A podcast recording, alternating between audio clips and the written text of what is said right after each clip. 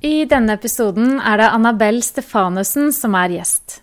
Hun står bak konseptet fredsarbeid i heimen. Hun er ei herlig nordlandsdame som snakker rett fra levra. Hun har enormt mange følgere online. Hun holder webinarer, nettkurs og foredrag om kommunikasjon i familien. Alt kan sies når formen er god, sier Annabel, som kaller seg for en fredsarbeider. Og i denne episoden her så deler hun historier og kunnskap som jeg tror vil berøre deg og inspirere deg, håper jeg. Ønsker deg god lytt. Sett det lenge, det kommer til å skje. Du blir voksen, og jeg veit ikke helt hvordan jeg takler det. For de greiene der er søren meg ikke for hvem som helst. Du, Annabel, eh, velkommen til Ungdomsforeldrepodkasten. Takk. Jeg har gleda meg sånn til å treffe deg. Jeg har tenkt på deg lenge. Jeg har fulgt deg eh, et års tid. Jeg vet at du, har, du er en av Norges største innen online business, rett og slett. Du har enormt mange på webinarene dine. 40 000-50 000 deltakere. Ja, har jeg hatt på de siste tre årene, men jeg Ja. bruker å bikke 10 000 på når jeg lanserer. Ja, Det er jo fantastisk. Ja. Veldig mange følger deg. Ja. Og følger da Får med seg dine historier og dine gode råd eh, og veiledning i forhold til det å være foreldre. Foreldre, både for små barn og litt større barn. Eh, og foreldrerollen tenkte jeg vi skulle snakke om. ja, artig. Jeg har gleda meg til å snakke med deg om foreldrerollen. Og nå er du rett og slett på gjennomreise. Ja, Sant? Du landa for ikke lenge siden og skal til Var det Canada? jeg skal til Canada i morgen tidlig, ja. Ja. Gå i utvikling. Blir aldri ferdig med det. Nei. Fantastisk at du setter av litt tid til å treffe meg Ja, på reisen. Men du, jeg vet at du er veldig opptatt av foreldre, det å være foreldre. Både Mm. mamma og pappa. Selv om du er mamma, så tenker jeg du inkluderer eh, begge foreldrene i det du deler. Og du har mange gode historier. Og du er opptatt av ledelse.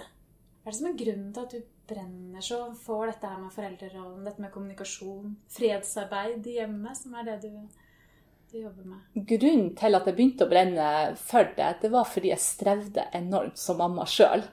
Vi har to gutter som er 25 og blir 28 år. Og fra de var små, to-tre år gammel, og til de var 10 og 12-13 år gammel, så strevde jeg veldig mye i mammarollen. Jeg strevde veldig mye med kommunikasjon, med min kommunikasjon i møte med guttene våre. Ja, hvordan, hvordan strevde du da? Hvordan, hvilken form tok det? Jeg, ble, jeg var veldig autoritær, eller jeg kunne Ja. være veldig autoritær. Så jeg husker jeg ble veldig fort irritert. Jeg skulle ha ting på min måte. Jeg var striks. Jeg var litt sånn Sånn er det fordi jeg har sagt det. Så jeg var ikke romslig og gikk inn og diskuterte med dem. Jeg, hadde, jeg er oppdratt av en veldig autoritær far, så jeg videreførte det uten å reflektere over det. Så eh, jeg ville veldig ha ting på min måte og var lite romslig for diskusjoner med dem. Så, og jeg skjønte det sjøl, jeg så det på guttene våre, at eh, særlig på den eldste gutten så kunne jeg se at jeg var for streng. Og så fikk jeg ikke til å endre det. Så det var, det var også veldig smertefullt, fordi at jeg skjønte faktisk sjøl at jeg gjør noe som ikke er bra. Og, og så husker jeg tenkte jeg vet ikke hvordan jeg skal endre det. Men så begynte jeg på en utdannelse. Kom, eh, begynte på gestaltterapiutdanning i 2000. Og den innebar veldig mye personlig utvikling. Og den utviklingsreisa der, den ble jeg å elske. Og den endra meg mye. Eh, og gjennom den utdannelsen så, så endra jeg meg veldig mye som, som mor. Men ja. Jeg sier litt, vi har, vi har jo liksom med oss en sånn indre arbeidsmodell tenker jeg, som, som vi bærer med oss fra, vi, fra vår egen barndom, og så tar vi med den inn. ja. Og for mange så krever det vel, sånn som for deg, en litt sånn bevisst endringsarbeid for å få til eh, å gjøre om på den, ja, ja. rett og slett. Det krever, som du sier, det krever bevissthet. Ja. Det, og bevissthet det kommer jo fra altså, at du får sjølinnsikt. Og jeg husker at eh, jeg fikk veldig mange aha gjennom det studiet. Jeg har en tiårs utdannelse. Og jeg husker det der når det gikk opp for meg at, eh, at jeg til nå omtrent bare har kjent på hvordan andre mennesker påvirker oss. Og det bruker jeg å si at det er veldig naturlig. Vi alle vil kjenne hvordan hvis andre er på en ufin måte, eller eller selvsagt på en veldig hyggelig måte, da reflekterer man ikke like mye over det. Men hvis folk er ufine eller arrogant eller ja, nedlatende eller sarkastisk, så vil man kjenne veldig Oi, hvordan er det den snakker til meg? Men så skjønte ikke jeg, jeg var ikke like bevisst hvordan er det jeg snakker tilbake. Og det var, det var den aha-opplevelsen som gjorde at jeg rett og slett ble opptatt på en måte av å observere meg sjøl, av å klare å ta et slags sånn fugleperspektiv og se hvordan snakker jeg til mannen min, til kollegaene mine, til sønnene våre. Eh, og når jeg begynte å oppdage hvordan jeg snakka, så gradvis så begynte jeg å skjønne at eh, jeg kan ikke endre dem. Jeg må endre meg. Og når jeg fikk til å endre min kommunikasjon, så til, jeg holdt på å si, nesten litt sånn til min forbauselse, så endra den andre sin veldig raskt. altså De responderer jo annerledes. Så når ikke jeg var kritisk, når når jeg som jeg bruker å si at bak enhver frustrasjon, bak enhver kritikk, så ligger det alltid udekte behov. Og når jeg begynte å skjønne det, at jeg ikke kom ut med det jeg var så kritisk til, at jeg kunne f.eks. si til mannen min da, at eh, hvorfor sitter du så mye på loftet oppe i loftstua foran PC-en? Hvorfor, hvorfor, hvorfor, kommer du aldri ned i stua? I dag skjønner jeg jo hvorfor. jeg var sur. Men når jeg sa til han at jeg husker en gang så sprang jeg opp loftstrappa, så sier jeg til han så heiver jeg meg på fanget og så sier jeg, 'Dagfinn, kan ikke du komme ned i stua, så bestiller jeg pizza, så ser vi på en film i lag?' Og jeg bruker å si 'da letta gubben på ræva'. at det der å begynne å uttrykke det behovet, at et behov er mye tydeligere. Og behov har ei retning, mens kritikk er veldig ofte generelt. At du er aldri nede. Det er veldig sånn generelt, eller 'du bryr deg ikke om meg', kunne jeg si. Og liksom, jeg tenker det er vanskelig for den andre å respondere på 'du bryr deg ikke om meg', men det er mye enklere for den andre å respondere på at 'kan du komme ned, og så ser vi en film i dag, jeg har lyst til å være sammen med deg'. Orsker du å rydde av kjøkkenbordet? Det er mye enklere å svare på enn å si 'Hvorfor hjelpes ingen til her hjemme?' 'Hvorfor er det jeg som er hushjelpa?' Ikke sant? Det er så vanskelig å respondere på den.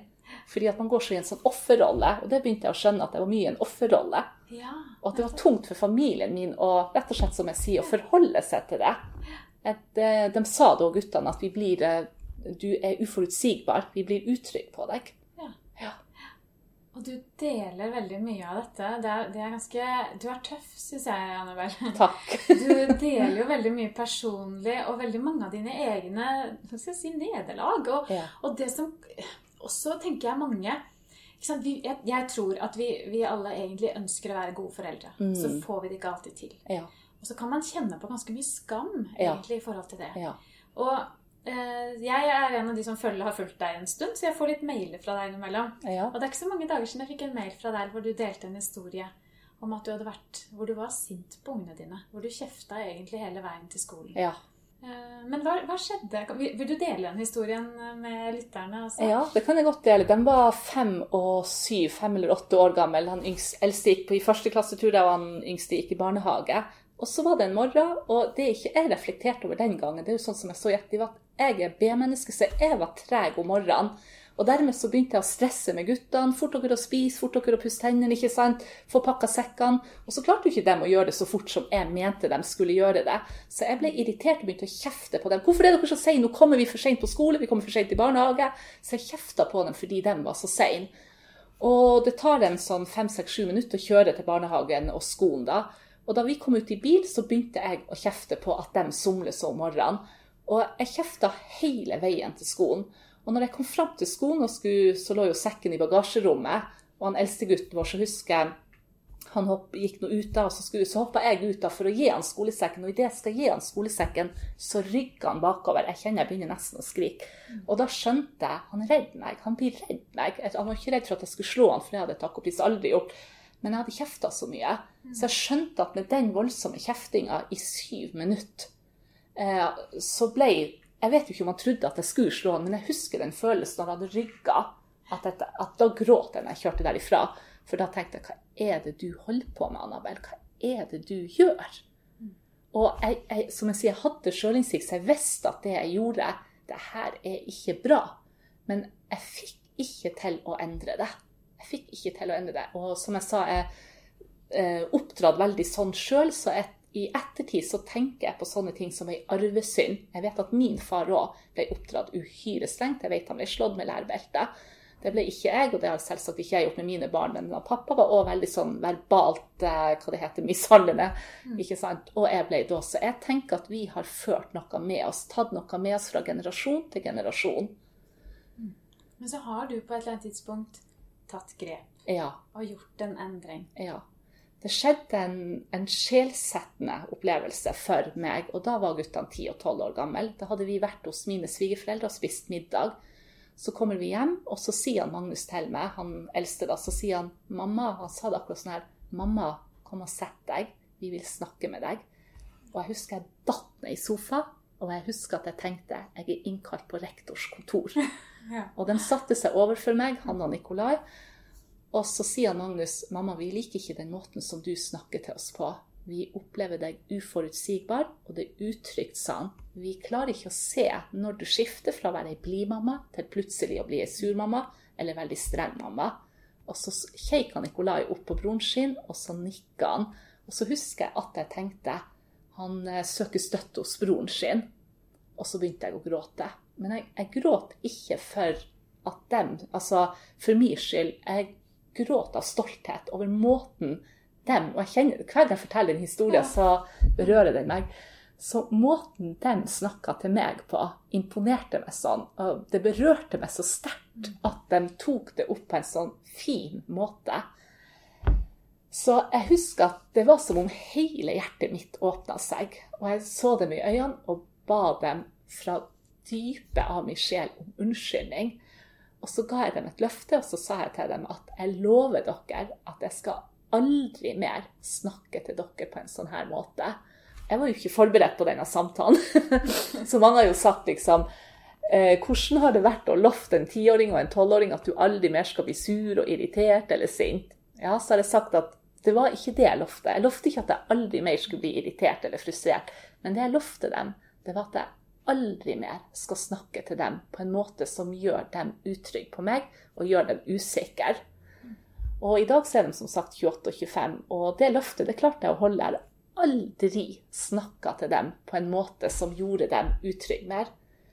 Og gradvis da, etter det der, så, begynte, så fikk selvsagt vi en helt annen relasjon. En enormt kjærlig og nær relasjon. Og så begynte jeg etter hvert å jobbe med holdt på å si, Jeg ble veldig opptatt av det med kommunikasjon fordi jeg hadde strevd så mye sjøl. Så ble jeg nesten lidenskapelig opptatt av å se på forskjellene på kommunikasjon, som jeg bruker å si. At noe kommunikasjon virker, og noe virker ikke. Og jeg bruker å si at, den, at uh, kommunikasjon som virker, den er mye mer effektiv, og den har en annen form. Og det er bl.a. det som vi sa, at det å uttrykke behov i stedet for kritikk, at behovet er mye tydeligere, det har en retning. Kritikk er ofte veldig generelt. Det å snakke med en mild og rolig stemme gjør at du, eh, den andre hører deg mye klarere enn når du roper. Så det er paradoksalt, som jeg sier, at hvis vi roper og brøler, så hører, så hører de oss ikke. Men hvis vi prater rolig og vennlig, så blir vi veldig hørt. Og det der å begynne å forstå at jeg kunne, at ikke sant, at jeg, kunne, jeg drev og krevde at de skulle respektere meg. Når jeg begynte å forstå at jeg kan ikke av noen mennesker, ikke av mine sønner og ingen, kan jeg kreve at de skal respektere meg. Det er helt opp til meg. Det er kun opp til meg og hvordan jeg opptrer i denne verden. Om det er med guttene mine, eller om det er med kollegaer eller venner. Så vil jeg opptre på en måte som gjør at enten så blir det å respektere meg, eller ikke. Så det, det, å forstå at du kan ikke kreve tillit, du kan ikke kreve respekt. Du gjør det fortjent til det eller ikke. Det er bare opp til deg sjøl. Og det var da jeg begynte å skjønne det her, at den eneste jeg trenger å håndtere, den eneste jeg kan forandre, det er meg sjøl. Og så begynte jeg etter hvert å jobbe med lederutvikling. Kommunikasjon på arbeidsplasser. Jeg hadde jo også vært, siden jeg strevde, som jeg bruker å si, jeg tror jo det vi er flinke til, og det vi strever med, det tar vi med oss både på jobb og privat. Så jeg strevde jo hjemme, og jeg strevde også på jobb med kommunikasjon. Men som sagt, gjennom min utdannelse så fikk jeg det her bedre og bedre til. Så jeg begynte å jobbe mye med lederutvikling etter hvert. Og da fikk jeg en, igjen en aha-opplevelse. Jeg så en link. Jeg begynte å tenke på når jeg jobba For jeg så at det litt grovt sett så så jeg at vi har tre typer ledere, sånn som jeg tenkte det. Det er de som er veldig høyt og godt fungerende. Og de har veldig høy grad av trivsel så i arbeidsmiljøet. De har medarbeidere som fungerer godt, de har lavt sykefravær, de har lite alliansedanning osv. Så, videre. så har vi middels gode ledere, som jo er de fleste av oss er jo gjennomsnittlige. Og der fungerer det også helt sånn greit, men der er det noe gnisninger, ikke sant? sånn som livet er. Og så har vi veldig dårlig fungerende ledere. Så på den første og den siste, dem er det jo minst av. Men der hvor du har veldig dårlig lederskap, så er det enormt mye uro på en arbeidsplass. Veldig mye konflikter, mye sykefravær, mye alliansedanning, utrygghet osv. Baksnakking. Og så begynte jeg å tenke på foreldrene som en lederrolle så begynte jeg å tenke Jeg var jo den dårligfungerende lederen. Og så kjente jeg mer og mer Jeg har lyst å bli den der øverstfungerende lederen. Og så husker jeg at jeg tenkte at jeg har lyst til å lage meg en misjon for mitt lederskap som mamma. Jeg er gift med han som er pappa til våre gutter, så han har jeg vært sammen med jeg var 17 år. Så jeg har aldri delt egentlig den. Det var bare noe jeg tenkte for meg sjøl at hva skal være min visjon? Hvis jeg skal være en leder for mine, eller for våre gutter, hva er visjonen min da? Og da tenkte jeg at eh, jeg holdt på å si, visjonen mitt lederskap er at jeg har lyst å bidra til at han Magnus og Nikolai er ansvarsfulle gutter og empatiske gutter. Så jeg tenkte det har jeg lyst å slippe en, to empatiske og ansvarsfulle unge menn ut i livet. Og så tenkte jeg hvis jeg skal gjøre det, så må jeg gå foran ikke sant? Hvordan, da må jo jeg opptre på en måte som øker sjansen. Så sånn var det at jeg liksom ja, begynte å Så jobber jeg med dette da med meg sjøl. Ikke og tenkte på det som en jobb. Men det ble en prosess ikke sant, som jeg fikk et veldig sånn lidenskapelig forhold til. Men jeg jobba mye ute i felten, og så fikk jeg veldig gode tilbakemeldinger. Jeg er som jeg, om, jeg er veldig folkelig som type, og jeg er veldig åpen som type. Så både lederne og medarbeiderne fikk veldig tillit til meg, det merka jeg. De torde å åpne seg om sin streven. Og så begynte de å gi meg tilbakemelding på at Annabel, det som du lærer oss om kommunikasjon på arbeidsplassen, det vi nå begynte å bruke i møte med våre unger, begynte de å komme til meg og fortelle. Så husker jeg ei dame som sa jeg har fått en helt annen relasjon til tiåringen min. Og så var det ei anna som sa jeg har fått en annen relasjon til 17-åringen. Og så tenkte jeg jøss. Klarte de å endre det her så fort? Det husker jeg overraska meg veldig. Og da fikk jeg den ideen enn om jeg begynner å kurse foreldre. Og så fikk jeg lyst til å spisse meg mot mødre, siden jeg var mor sjøl. Så jeg identifiserte meg mye med mor. Jeg ser jo på far som en 100% like viktig rolle, men mitt konsept ble spissa mot mødre. Og så våkna jeg en morgen, og så tenkte jeg fredsarbeid i heimen. og så sa jeg det til noen, og så var det noen som sa det var et godt navn. Du må sikre deg det domenet. Så det her var vel i 2014, ja, faktisk. Så da lagde jeg et kurs for, som jeg holdt live for ti mødre. Og så i lang historie kort så utvikla jeg et konsept da, hvor jeg lagde dette online-konseptet, som jeg nå ja, kan kjøre for foreldre over hele landet da, via nettet. Ja. Fredsarbeid i heimen. Ja. ja. Hva legger du i det, egentlig? Hva tenker du er, eh, er målet? Eh, at det skal være fred? Eh, på hvilken måte? Hva, hva legger du i det begrepet? Det, det, la i det altså Egentlig, når jeg, når, det, når jeg våkna den morgenen og bare tenkte det navnet, så, så, tror jeg, så var det bare sånn at jeg, jeg husker bare jeg tenkte navnet, og tenkte vel ikke så mye over det. Og fortalte det til noen, og så sa de det var et veldig bra navn. Men med det mener jeg nok litt det med visjonen min, eller det med de tankene om at eh, Altså, vi, måten Altså, jeg har alltid faktisk Jeg har nok vært en eh, Hva det heter en, På en måte en visjonær type. Jeg kan huske at jeg alltid har hatt lyst til å bidra i verden. Det, det, fra jeg var lita, så kan jeg huske at jeg tenkte jeg har lyst til å sette et fotavtrykk, jeg har lyst til å bidra. Og så begynte jeg, jeg var jo i et gründermiljø, så begynte mange å snakke om at de ville redde verden. Og så tenkte jeg redde verden, hvordan skal jeg klare å redde verden? Så tenkte jeg det tror jeg ikke jeg blir å klare. det er høyt mål, Ja, ikke sant? Så tenk, men så tenkte jeg at Så begynte jeg å tenke Hvis jeg redder Nå gjør jeg sånn anførselstegn, hva det heter sånn. Hvis jeg redder min familie, eller redder meg, og bringer Altså og gjør det beste jeg kan som forelder i min familie, og så, hvis jeg da forteller det som var visjonen min, å slippe ut to empatiske, velfungerende unge menn, så jeg at de blir å ta det videre til sine kollegaer, til sine venner, til sine kjærester, og som fedre. Og da tenkte jeg, så blir dem igjen å ta det videre. Nå er jo våre sønner voksen, så nå kurser jo mange foreldre i det. Og, og tanken er at jo flere velfungerende foreldre vi får, så tror jeg at vi kan redde verden. Du, åh, det har jeg så tro på, ja, Annabelle. Det er der vi må begynne. Ja. I det små. Og det Ja. er der det er der neste generasjon, de som skal overta denne verden, altså, det er der de blir til. Og det er der de lærer hvordan vi forholder oss til andre mennesker. Ja. Eh, jeg har også tro på det, at hvis det er mer fred i heimen, hvis det er mindre av den tror nok mange opplever at det kan være litt sånn krigssone. Ja, ja, ja. Eh, Og det, jeg bruker å si det så at målet mitt altså, Jeg bruker å fleipe så sier jeg det står ikke familien idyll på ytterdøra vår. så det er ikke Nei. sånn at det er Vi er ikke en perfekt familie, og det tror jeg ikke fins. Men eh, det jeg kan si med hånda på hjertet, som, eller som jeg nå sa, det er at eh, jeg greide å håndtere meg sjøl. Jeg kaller det for det. Jeg greide å håndtere meg og mine følelser i møte med våre sønner, som gjorde at jeg stoppa den negative måten å snakke til dem på, og den veldig sånn uhensiktsmessige måten. Det betyr ikke at jeg aldri var irritert på dem eller frustrert, men når jeg var det, så var det akkurat som jeg etter hvert ble mye mer bevisst at åh, nå er jeg kjempeirritert. Og da kjente jeg at jeg hadde valg. Det er klart, Nå var jo den 10 og 13 når dette arbeidet begynte for, for min del. Sånn at Da husker jeg at, eh, at jeg kunne be dem om en samtale og spørre kunne vi ha prata i lag nå. Det er noe jeg har lyst til å ta opp med dere. Da sa jeg det sånn som jeg sier det nå til deg. Og da sa de bestandig ja. Det er ikke ofte jeg har gjort det. Det er sikkert fem ganger på de 15 årene nå siden. ikke sant? Så kanskje én gang hvert tredje år. Og, så, og det sa de bestandig ja til. Og da delte jeg på en rolig måte hva jeg nå syns kunne være utfordrende. Men så gjorde jeg en ting til. Det var at jeg inkluderte meg sjøl.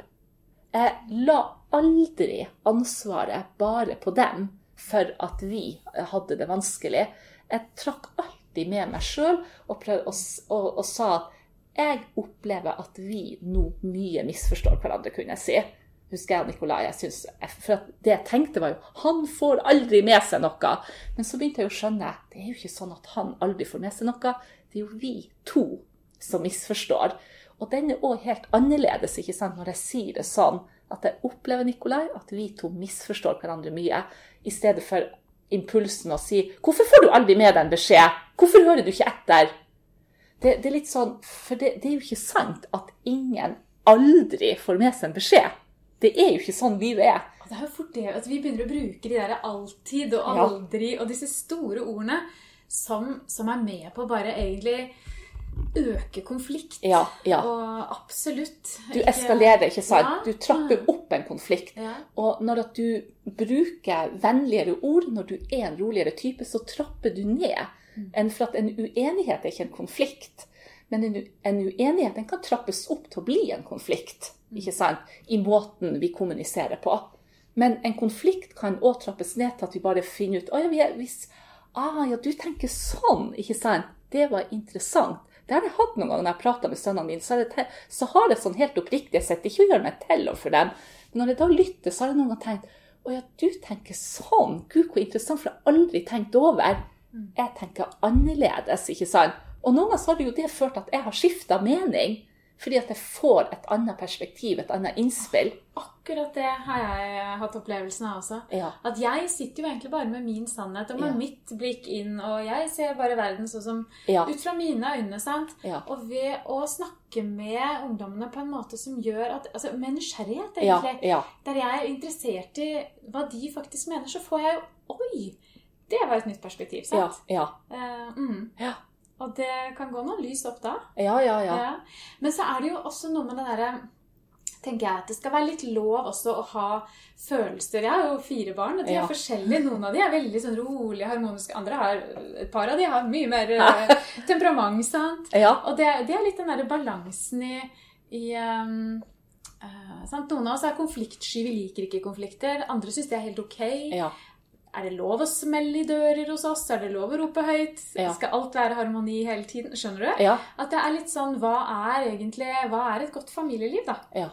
Um, jeg tror jo noe av, noe av det viktigste er dette med å, å ha evnen til å si unnskyld. Oh, ja, oh, og det tenker jeg på når du fortalte den historien din i stad. Om guttene som kom til deg, 10 og 12 år gamle. Altså. Det var en veldig rørende historie. Og for noen gutter du har. Men for en mamma du er, tenker jeg, som, som i den situasjonen ikke gikk i forsvar. Ja. For det er det mange som ville ha gjort. Ja, det som egentlig kanskje ville ha kjefta tilbake og sagt 'hva er det for noe'? Jeg er jo alltid da, da, da, og så, Ja, ja. sant? Istedenfor å gå rett ned og si Mm. 'unnskyld'. Ja. Eh, og det at vi foreldre har evnen til å si 'unnskyld', Mm. Det tenker jeg også er Jeg tenker det er veldig viktig. Hva tenker du om det? Jeg tenker det er enormt viktig, og det, Mm. jeg bruker å tørre å henge meg sjøl mye ut, så jeg, jeg skal tørre å rose av meg sjøl. Jeg har alltid hatt det i meg. Jeg vet at jeg har alltid hatt lett for å be om unnskyldning. Så jeg, og med det da skjønner jeg at eh, jeg tror at mennesker som har lett for å be om unnskyldning, jeg tror at man har tilgang til sjølinnsikt. Fordi at hvis du bare går i forsvar, så er det ofte for at du ikke forstår og ikke ser hvordan er det jeg har påvirka partneren min, venninna mi, kollegen, kollegaen hos svigermor, barna mine. Skjønner du? Sånn at det å kunne be om unnskyldning, det er for meg at det betyr at jeg klarer å se oi, jeg har gjort noe som ikke er bra nå. Og det er når, når, når man får ei unnskyldning som, som den andre kjenner at den er ekte, så tar jeg min erfaring Folk tar imot unnskyldning. Men, men du må, og jeg er også veldig opptatt av å være, altså at jeg må mene det jeg sier. Så eh, ja. Og det handler jo egentlig om respekt, tenker jeg. Ja. Det å ha respekt for, for barnas opplevelse Ja. av situasjonen. Det er fort at vi tenker at vi eier sannheten, vi voksne. ja. Men vi gjør jo ikke det. Eh, Nei, nei overhodet ikke. Og ved å behandle de med respekt, og respektere deres både syn på ting og meninger og, og sånt, så, så lærer jo de seg altså Ja, ja. Og det, og det som, som du sier, eh, kommer på, jeg prata med eldstegutten min her om dagen, og han er litt glad i litt sånn ekstremsport. Og så var det jo nettopp ei ulykke der to eh, fjellklatrere omkom. Og så sier han, Magnus til meg at eh, jeg vet eh, Så sier han til meg at jeg vet at mange vil tenke at det er så egoistisk å drive med sånne ting, for du kan risikere liv, og du utsetter hva det heter, redningspersonell for risiko osv. Eh, satt jeg bare og lytta på han, og, og så sier han at eh, eh, Så sier han at eh, et, jeg tenker mamma at de to unge mennene døde lykkelig. De døde mens de drev med det som de elska overalt på jord. Og for dem å ikke få lov, sa han, å drive med det som de elsker, som han sa, jeg kan identifisere meg, sa han til meg, fordi jeg sjøl er en som liker ekstremsport. Ja, måtte, og da tenkte jeg, så sa jeg til Magnus at vet du, du har sagt det før, og det gir meg mening. Og som han sa, dem det er tragisk for, det er jo familien. Men disse to er jo de har på en måte, Jeg forsto hva han mente, men poenget med historien er litt at det der når jeg, jeg merka på han, Vi prata på telefon, for han bor jo ikke hjemme lenger. Så jeg merka at, at han syntes det var godt. Og at jeg, jeg mente jo det når jeg sa at jeg forstår. Jeg skulle jo selvsagt ønske at jeg ikke sant? Som mor så tror jeg de aller fleste har lyst til at ungene skal leve så trygt. Og, ikke sant? Men samtidig så kjenner jeg at, eh, at jeg faktisk støtter han eldstegutten vår som har valgt ting som kan være risiko, risikofylt. Det, det tenker jeg at, eh, For jeg opplever han også som en som tenker sikkerhet. Og, og jeg klarer å forstå at for han er et sånn type liv meningsfylt. Akkurat som personlig utvikling. Jeg skal til Canada ikke sant, og bruke både penger og tid og alt mulig på å være i utvikling hele tida. Hvis noen hadde sagt nei, du trenger det ikke, kos deg hjemme på Bardufoss, så skjønner du, så hadde jeg følt meg veldig begrensa. Så ut ifra den så klarer jeg òg å forstå at ja. Men, men hvordan vil du beskrive forholdet til guttene dine nå, Annabelle? Nå er de er 28? Ja, han 25, eldste blir 28, han yngste er 25. Ja. Spesielt jeg og han eldste har et utrolig godt forhold. Jeg bruker å fleipe litt og si det som å ha ei datter. Jeg har ikke døtre, men jeg, mange ganger nå er jeg jo datter sjøl, da. Og så jeg har en sånn tanke om at å ha døtre, at mødre og døtre kan komme til å stå hverandre veldig veldig nært. Jeg vet også at mødre og døtre kan streve også, det kan være litt enten-eller, kanskje. Eh, Men vi har en fantastisk relasjon. En relasjon som jeg drøm... Når jeg strevde Jeg følte sjøl at det var den eldste jeg strevde mest med. Så drømte jeg om Jeg gjorde virkelig altså sånn i våken tilstand, da. At enn om jeg kunne klare å få en fantastisk god relasjon til han. Og, og det har vi. Vi har en utrolig nær og kjærlig relasjon. Så det, det, det tror jeg alle foreldre, når man kjenner at man får det til Når man har strevd, så kjenner jeg, tror jeg alle at det her er ondt. Det er ondt å streve. Det er ondt å kjenne at du er på kant med ungene dine, at ungene trekker seg unna det, at du ikke vet. Jeg har kjent på hele det spekteret der. Det var så smertefullt. Så det å klare å helbrede det Du spurte Annabel hva legger du i et fredsarbeid. Og der kan jeg bare snakke for meg sjøl. Der har jeg lyst til å dele ei lita historie. Jeg er sånn historieforteller. Når han Magnus var 16, så må det han ha hatt sånn OD-dag, tror jeg det må ha vært. Så han var hjemme, og vi gjorde husarbeid i lag, at han fikk jobb, jobbe hjemmefra den dagen. Så satte vi oss for å spise lunsj, og så sier han til meg, og det var jo tre år etter den samtalen, så sier han til meg Mamma, det er så godt å være sammen med deg når du er i så godt humør. Og da valgte jeg å dele min historie. Hva jeg kom fra, for min pappa er død. Så delte jeg hvor strengt jeg var oppdratt, og så delte jeg litt om hva pappa kom ifra. Og så sier jeg til han Magnus sånn plutselig Nå blir jo det her komprimert, så høres ut som hele tida daler sånn jureka i hodet mitt. Men jeg husker at jeg sa til han Magnus, jeg og du, vi har helbreda dette. Vi har eh, Jeg vet, sa jeg til han, at når du blir pappa, så kommer ikke du til å streve. Fordi at jeg og du har helbreda det. Fordi at vi to har jobba med vår relasjon og har fått det så godt i lag. Så jeg har sett på Magnus at han bærer ikke nag til meg. Sånt merker man. Han har glemt det. Det kan jeg merke av og til. Så kan han si 'Mamma, du har vært verdens beste mamma'. Og da har jeg skjønt han har glemt hvor pyton jeg var. Fordi at, altså, si, altså fordi at det ble helbreda, så har han på en måte glemt alt det grumset. Og, og, det tenker jeg er, for meg personlig er det et fredsarbeid. Nå kan det høres ut jeg forteller det som at det er så perfekt.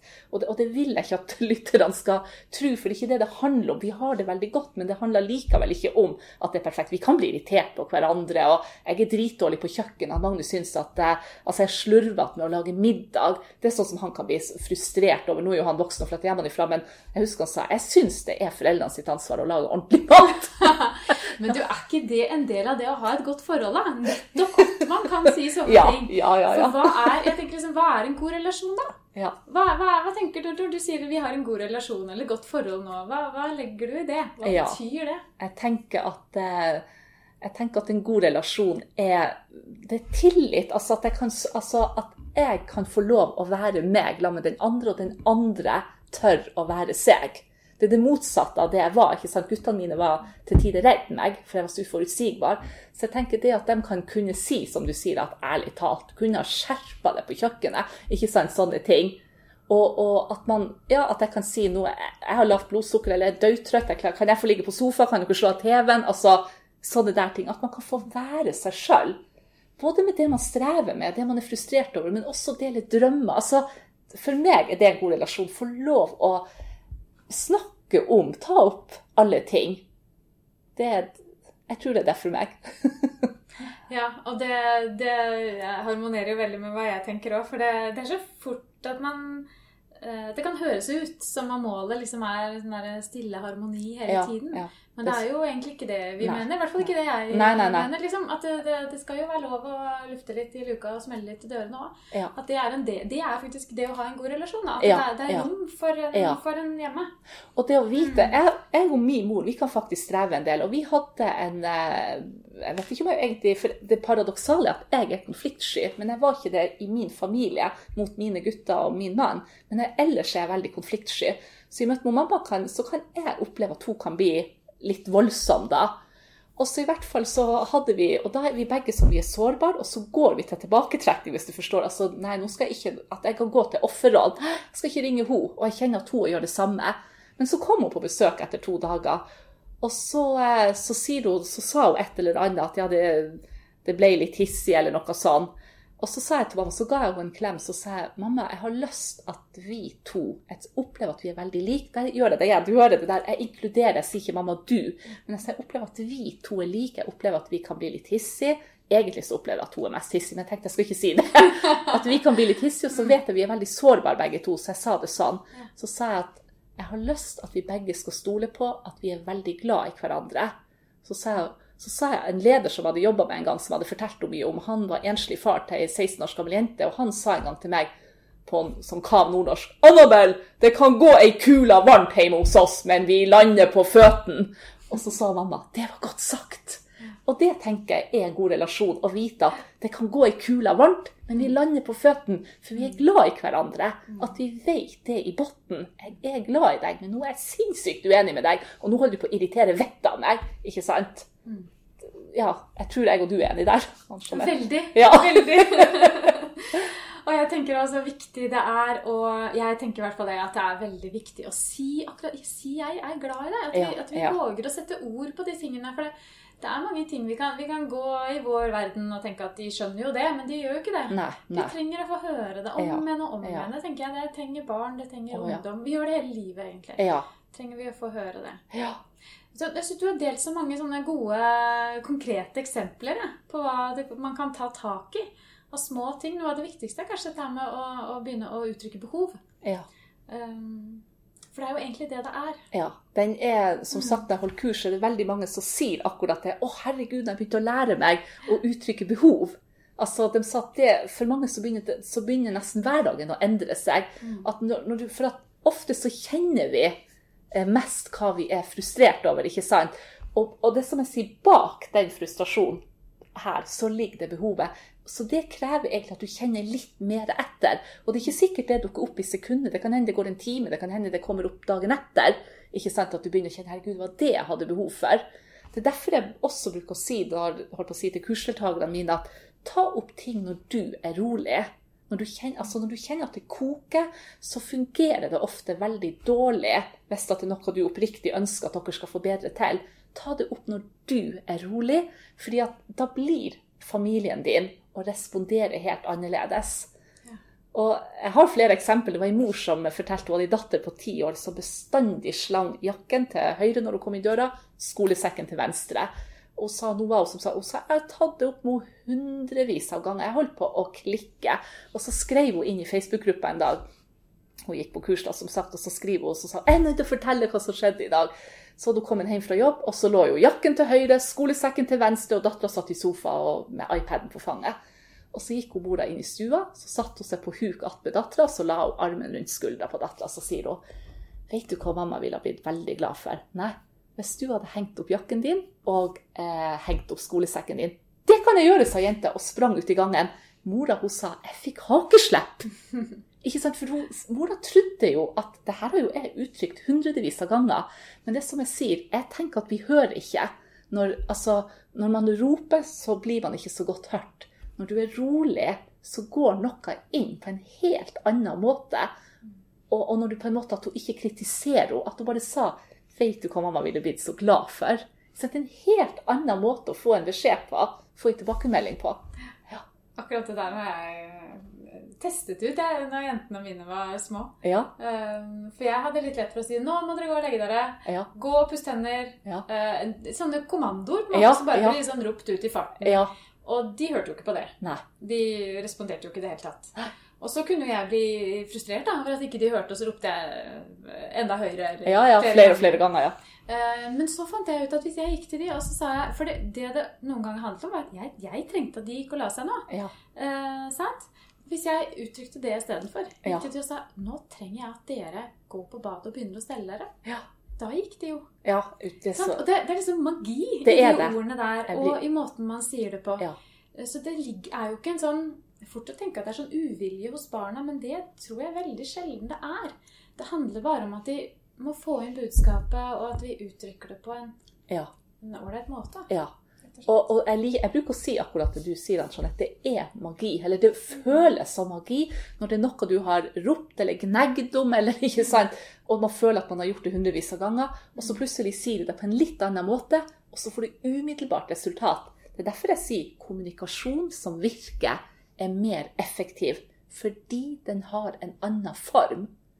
Jeg, jeg, jeg gjentar den litt med trykk. For det, altså, og så er det å begynne å forstå det her og ta det inn over seg. ikke sant? Det var jo den reisa jeg gikk gjennom sjøl. Liksom hva Hvordan er det påvirket? Altså, jeg kjente jo veldig på hvordan folk påvirka meg. Jeg var jo en frust, veldig frustrert person. Men så skjønte jeg ikke sjøl hvordan er det jeg påvirker. Jeg sa jo Før jeg begynte på den utdannelsen, så husker jeg at jeg sa til venninna mi, hun var naboen min Hun hadde hørt meg gnelle om alt og alle i gud veit hvor mange år. Og så går jeg over til henne, og så sier jeg til henne, hun heter Grete, så sa jeg Grete, tror du at det er meg det er noe galt med, eller tror du det er hele Bardufoss? og jeg bruker å si at Grete var ei veldig god venninne, for hun sa Annabelle, det er hele bygda. Det er bare du som fungerer. og det der ble ikke sagt. vi begynte å flire. Vi brølte av latter. Og jeg husker at det var òg et sånn der aha moment hvor jeg tenkte jeg er nødt å ta tak i livet mitt.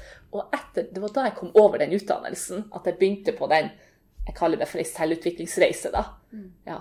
Men du, hvis jeg sitter nå en mamma og hører på oss, og tenker at, uh, at hun er akkurat der, Ja. kjefter og smeller og vet ikke helt Har du, har du et godt tips? Hva kan man begynne med? det, det første altså, det med altså Det som jeg bruker å råde alle til, det er å ta opp ting når du er rolig. For det som jeg sier, at det jeg har oppdaga gjennom mange mange års streven sjøl, og gjennom å ha veileda veldig mange foreldre, det er at eh, når vi er hissige, så er også vi som foreldre Når vi er veldig frustrerte og hissige, så, er også våre ører mye mer døve. For det første når vi ikke inn til den andre, og vi klarer heller ikke å respondere. Og det vi gjør da ubevisst, er at vi ønsker at eh, fireåringen skal endre seg, eller 13-åringen skal endre seg. Og så har jeg skjønt det er ikke i vår makt. Det er faktisk ikke i vår Altså, vi vil ikke kunne endre fireåringen og ikke 17-åringen og ikke hos svigermor. Men når du endrer deg, altså du, hvis du er rolig når du tar det opp, og hvis du kjenner at du vil den andre vel, at jeg tar det opp fordi at jeg vil skape Jeg bruker å tenke Hva er motivet mitt? bruker jeg å tenke. Og da kjenner jeg alltid at motivet mitt er at jeg vil at jeg og den jeg tar opp noe med, at vi begge skal komme godt ut av situasjonen. Jeg vil aldri vinne. Det er med hånda på hjertet. Jeg har et uttrykk jeg bruker å si Vil du ha rett, eller vil du være lykkelig? For den som vil ha rett, den blir en right fighter. Den blir mye ulykkelig. For at når du vil vinne, det ligger i begrepet, eller da må jo noen andre tape. Og, og det blir vi ikke glad av. altså det, det blir ikke bra. Men at hvis du vil være lykkelig, så betyr det at andre, du blir lykkelig når den andre har det bra. Og når du da tar det opp på en Når du er rolig, ber om en samtale, og så lytter du, stopp opp, og så lytter du hva den andre har å si. Og hvis da ungen eller tenåringen har noe kritisk å si tilbake, så forsøk, du, forsøk å ikke gå i forsvar. Forsøk å kjenne etter. Er det noe i denne kritikken? Er det noe jeg kan ta til meg? Er det noe jeg kan beklage?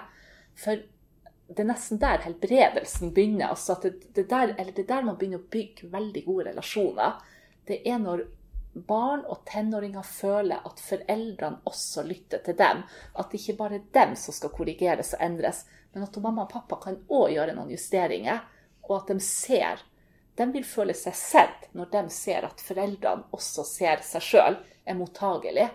Og det, det ligger mye magi i det. Og så har jeg lyst til å gi ett tips til som jeg òg syns har vært veldig relasjonsbyggende. Jeg bruker å kalle det for være en stjernekikker.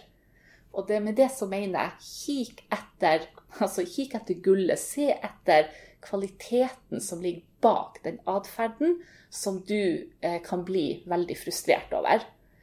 For at bak Det er akkurat nesten som det her med som jeg sier, at bak en frustrasjon ligger det alltid udekt behov. Men ofte bak en atferd som er tilsynelatende veldig eh, irriterende, så ligger der kvalitet. Og jeg kan ta et eksempel. Det var ei mor som sa hun hadde ei datter på 16 år. Og denne dattera brukte å brøle 'Nei, jeg vil ikke! Nei, jeg gidder ikke!' Mora sa 'Hva skal jeg gjøre?' Hver gang jeg spør henne om noe, så brøler dattera mi 'Nei, jeg vil ikke'. og så sier jeg til mora at 'Kan du anerkjenne dattera di?' 'Hva for?' spurte hun. Så sier jeg 'Nå leker at, jeg, at, jeg, at hun er min datter'. Og da ville jeg sagt henne, så kan vi leke at hun heter Ida, så ville jeg sagt henne 'Ida, vet du hva jeg ser?' Jeg ser at du er ei jente som er modig på å sette grenser. Og det setter jeg pris på. Det gjør meg trygg som mamma. For jeg ser at hvis jeg spør deg om noe, og når det er noe du ikke vil, så setter du grenser og sier nei, Ida. Og vet du hvorfor det gjør meg så trygg?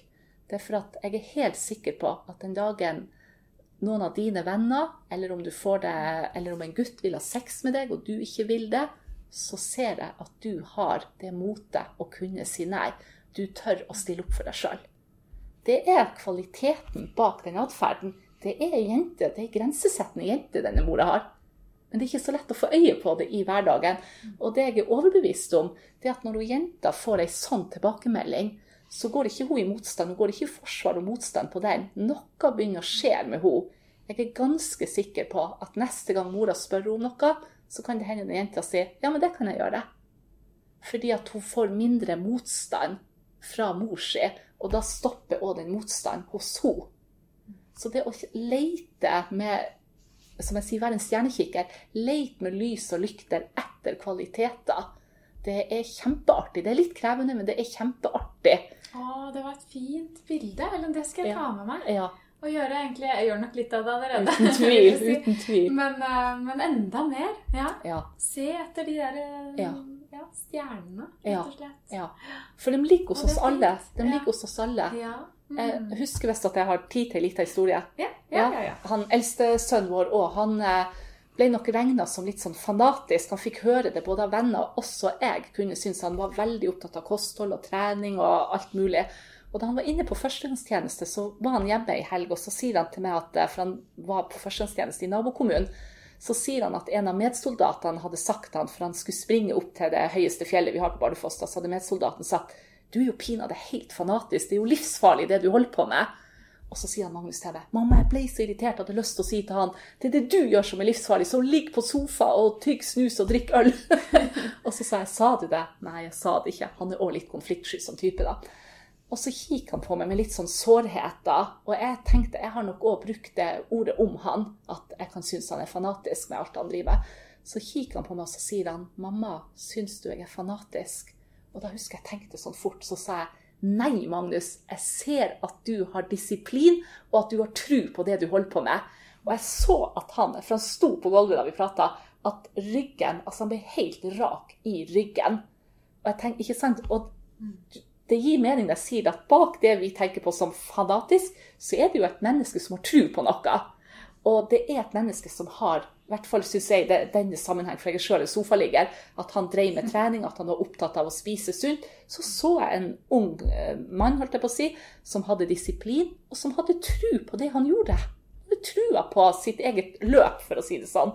Ja, og det vi løfter fram, det blir jo gjerne sterkere og større. Ja, så hvis vi ja. leter etter de gode egenskapene, de fine tingene som bor i barna våre, Ja. så vil jo det forsterke seg, tenker Ja, jeg. ja, ja. Det, det gjelder oss alle, ikke sant? Det vi får tilbakemelding på. Det, det, jeg hørte på ei dame her om dagen som sa hun da hun var, hun var vel hun er 65 år, og så sa hun da hun, var, hun hadde vokst opp i et ekstremt dysfunksjonelt hjem. Og som eh, 14-åring så hadde hun havna skikkelig på kjøret. Men så klarte hun, hun fikk en, en ny sjanse, følte hun sjøl. At hun fikk også en sånn her kjempe aha- aha-opplevelse i livet sitt, hvor hun velger å legge om livet som 15-åring og begynne å jobbe hardt på skolen. Hun var en taper, og så blir hun en, en ener. Og så legger hun merke til at de, så får hun høre at de andre lærerne begynte å prate om henne. Hvem er hun, altså sånn, hvem er hun Linda som får til alt dette? Så kjente hun at hun likte det. Det er jo masse år siden, ikke sant, jo 50 år siden. Men hun sa hun likte at det begynte å snakkes om henne. Hun sa jeg ble en som, altså jeg ble en måloppnåer. At hun, hun, ja, så hun likte, og det jeg tenker hun likte, var for hun hadde jo vokst opp med foreldre som ikke så for femflatt øre. Plutselig begynte lærerne å se henne. Se at hun var ei flink jente. Hun elska den type oppmerksomhet og de tilbakemeldingene. Så hun ble en fantastisk leder etter hvert. Ja.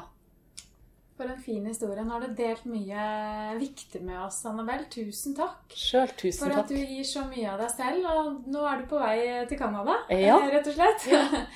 og skal få litt påfyll, du også. Ja. Det er litt viktig, det òg. Åh, jeg elsker det. Jeg elsker det. Jeg har holdt på med utvikling i 20 år. Det er, for meg er det sånn, ja. Det er virkelig sånn her. Vi trenger det for å ha noe å gi videre også. Ja, det tenker jeg. Lykke til videre med alt det du står i. Tusen hjertelig takk. Og fredsarbeidet som du driver. Takk skal du ha. Jeg håper at du også ble inspirert av denne episoden. Du, helt til slutt så skal du få en liten bonus av meg. For en tid tilbake så skrev artisten Sindre Steig en låt til Ungdomsforeldrepodkasten som heter Tid. Og vet du, endringsarbeid, det tar tid. Jeg vil bare oppfordre deg til å bruke litt tid å lytte til denne sangen og tenke på hva som skal være ditt aller, aller første lille skritt.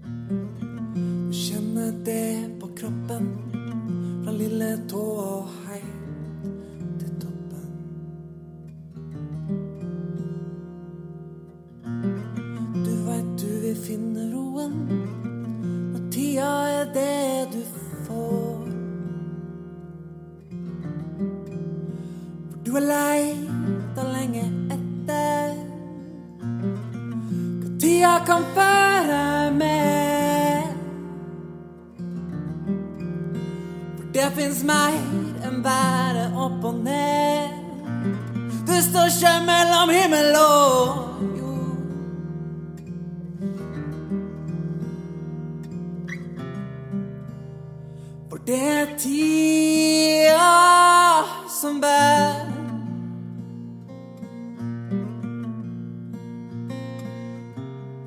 For sjøl om det her er slutten, nå lar du tida bare gro.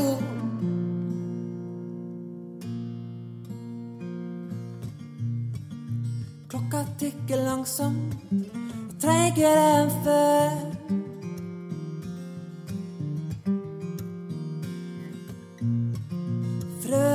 En gang så, vil alltid gå fra natt til dag.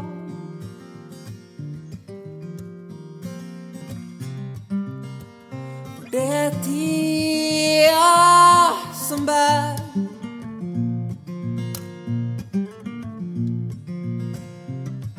For sjøl om det her er slutten, nå lar du tida bare gro. Åh, Sjøl om tida går ut av systemet. Tikker ei klokke du ikke kan sjå. Den går treigere, men den har liv. Åh. Den går treigere, ja, så treig som aldri før, men det er tid.